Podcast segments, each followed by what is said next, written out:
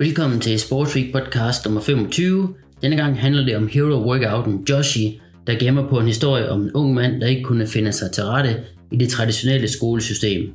Efterfølgende gik det dog langt bedre i det militære system, hvor han gik mod de største udfordringer. Han blev elitesoldat og medlem af Green Berets, der er en enhed, der siden Vietnamkrigen har spillet en stor rolle på slagmarken. Efterfølgende fortæller jeg om workouten og hvad min oplevelse var undervejs.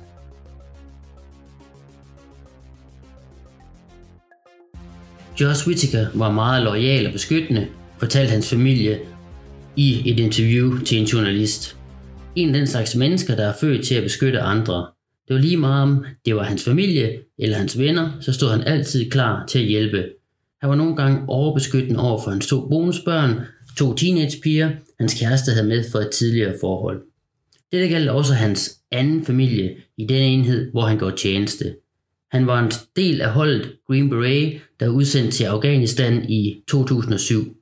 På vej hjem fra en succesfuld mission nær byen Kualat blev Josh og den kortege, han var med, udsat for et bagholdsangreb. En gruppe Taliban-krigere angreb dem lige uden for Kabul den 15. maj. Ifølge det amerikanske forsvarsministerium bemandede Josh et tungt maskingevær, et kaliber 50, som han engagerede fjenden med. Der var efterfølgende skudvekslinger, hvor Josh beskyttede de andre køretøjer med dækningsild. Han blev dog ramt uheldigt i underarmen, hvilket viste sig at være dødeligt på grund af det store blodtab. Han dræbte fem Taliban-krigere, men endnu vigtigere var, at han reddede ni soldater i køretøjerne bag ham. Det var hans første udsendelse efter at have færdiggjort uddannelsen som elitesoldat. Han blev 23 år og blev hos Tum tilmeldt æresmedaljen Bronze Star Valor for heldemod i kampen. Han voksede op i Long Beach, Kalifornien som enebarn sammen med sin mor, der var tæt kontakt med sin onkel og tante. Han var en stor knægt på 1,85 høj, der elskede at dyrke sport, og specielt ishockey og rollerhockey på asfalten i nabolaget. Han elskede at vælte rundt i mudderet med kammeraterne, når de spillede boldspil. Familien omtalte Josh som ham, der altid satte fart i aktiviteterne, når der var sammenkomster. Han gik på American High School, men det sagde ikke Josh ret meget, og han fandt sig aldrig helt til rette der. Han var en del af skolens fodboldhold, hvor han spillede positionen linebacker. Dog havde han svært skolemæssigt, at han færdiggjorde den sidste del på Opportunities for Learning, der kan sidestilles med det, vi i Danmark kalder for specialklasser. Her arbejder man i mindre grupper med større mulighed for individuel hjælp til at gennemføre en eksamen. Hans barndomskammerater omtalte ham som værende frygtløs og en, der altid var klar til at hjælpe ved konflikter. Da han først fandt ud af, at han ville gøre tjeneste i militæret, begyndte han at målrette sin træning mod det. Han var disciplineret og stod op kl. 5 om morgenen for at træne. Da han blev en del af det amerikanske forsvar i 2003, var det med et specifikt mål i sigte. Et job som elitesoldat. Retningen kaldes for Special Forces Candidate og garanterer, at man kommer til optagelsesprøve, så frem man består de indlagte prøver i tjenesten. Efter grundlæggende træning og funktionsuddannelse blev han sendt på faldskærmsskole Airborne, der er et standardkrav for de, der ønsker at blive elitesoldater. Efterfølgende blev han sendt til Fort Bragg. I august 2006 blev han del af eliteenheden Green Berets efter at have gennemgået den benhårde optagelsesprøve og udvælgelsesproces. I enheden har alle funktion ud over de normale soldaterfærdigheder som elitesoldat. Josh var mechanical engineer, der er en soldat, der er ekspert i at analysere, reparere og bygge forskellige ting. De tillærer sig konstruktionsviden til at lave bygninger og befæstninger. De arbejder også med sprængninger, herunder krigsførsel med landminer og improviserede sprængninger. Der er få informationer om, hvad Josh lavede som elitesoldat i Afghanistan, men generelt er Green Berets kendt for at være ukonventionel krigsførelse, og deres indsættelse kan sammenlignes med nålestiksoperationer. Det inkluderer guerillakrig med angreb, der ikke er iscenesat, der skal overraske fjenden og dermed give større chance for succes. Green Berets operationer ligger i kategorien for ukonventionel krigsførsel. Soldaterne bliver f.eks. indsat i Afghanistan, et land i krig, hvor ikke alle borgere er fjender. De skal nu finde og opsøge disse modstandsfolk, der ønsker at bekæmpe Taliban og få deres land tilbage. Det er meget farligt arbejde. Green Berets bliver ofte bedt om at operere på egen hånd eller i mindre grupper i lange perioder. De lever som de lokale gør og interagerer med dem for at få informationer og vinde deres tillid. For at få succes som ligesoldat skal de ofte arbejde uden uniform. Uden uniform gør, at soldaterne bliver sårbare, da de dermed ikke overholder krigens love om uniformering, som foreskrevet af Genève-konventionen. Fangesoldaten uden uniform risikerer han at blive tortureret eller dræbt af Taliban, hvis han pågribes, hvilket gør hans job endnu farligere. Med uniform har fjenden pligt til at overholde gældende konventioner bør efterfølgende straffes for ikke at gøre det. Elitesoldaterne forsøger at rekruttere disse lokale modstandsfolk, ofte mennesker fra vidt forskellige baggrunde, og træne dem op til at kunne blive en del af en gorilla her. En her de efterfølgende kan kæmpe side om side med mod en fælles fjende, Taliban. Green Berets er specialister til at indsamle efterretninger om fjenden, planlægge udføre missioner og angreb på baggrund heraf. Informationerne om større mål sendes tilbage til hovedkvarteret og kan efterfølgende evalueres og indgå i nye missioner.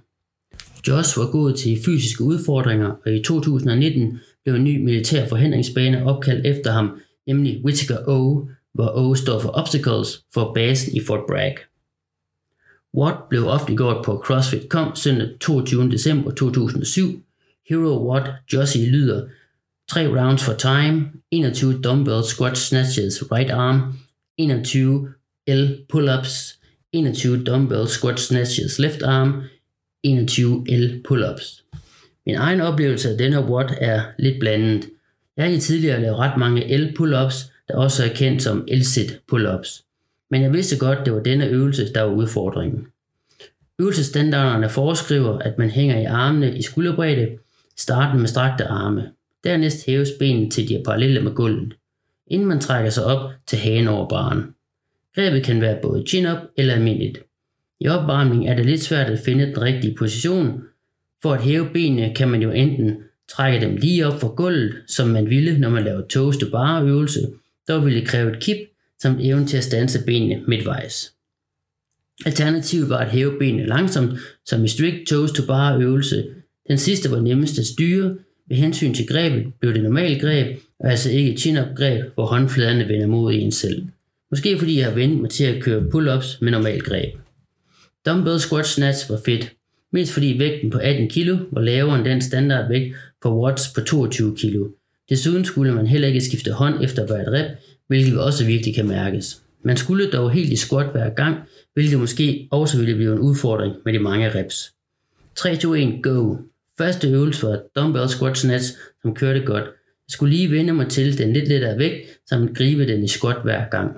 Når man er vant til almindelig power snatch med dumbbells, som alle watts fra The Open har været. Men altid godt at gøre tingene anderledes, således træningen ikke bliver for ensformigt. Det giver også lidt til hovedet, og dermed bliver det heller ikke kedeligt. Jeg kørte de 21 unbroken uden problemer.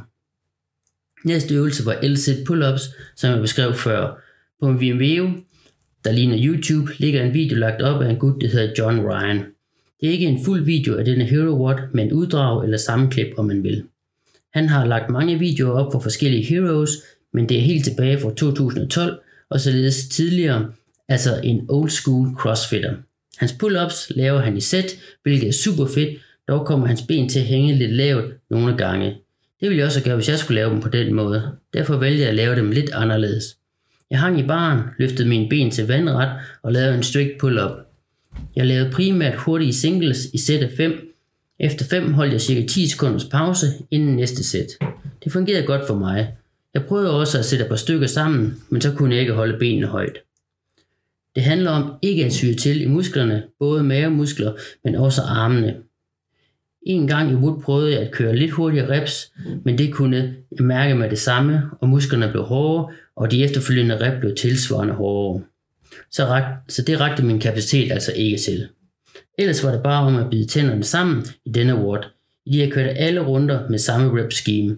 Unbroken dumbbell squat snatch og hurtige singles på L sit pull-ups i klynger af 5 reps. En resultat blev 24-38, og hver runde tog i gennemsnit 7 minutter. Første runde lidt hurtigere end sidste runde, som var lidt langsommere på grund af muskeltræthed. Hård watt på grund af de mange L-sit strict pull-ups, men god udfordring. En workout, der kræver, at man kender sin krop og kapacitet godt, således man ikke brænder ud efter første runde. Hvis du har hørt denne podcast uden at være forbi sportsweek.dk, kan du med fordel tjekke mit website ud. Her er der billeder og links til forskellige baggrundsartikler, jeg håber, du blev underholdt eller inspireret. Gjorde du det, må du meget gerne smide et like på Facebook, eller følge mig på iTunes, Spotify eller SoundCloud. Tak for denne gang. Vi ses i boksen.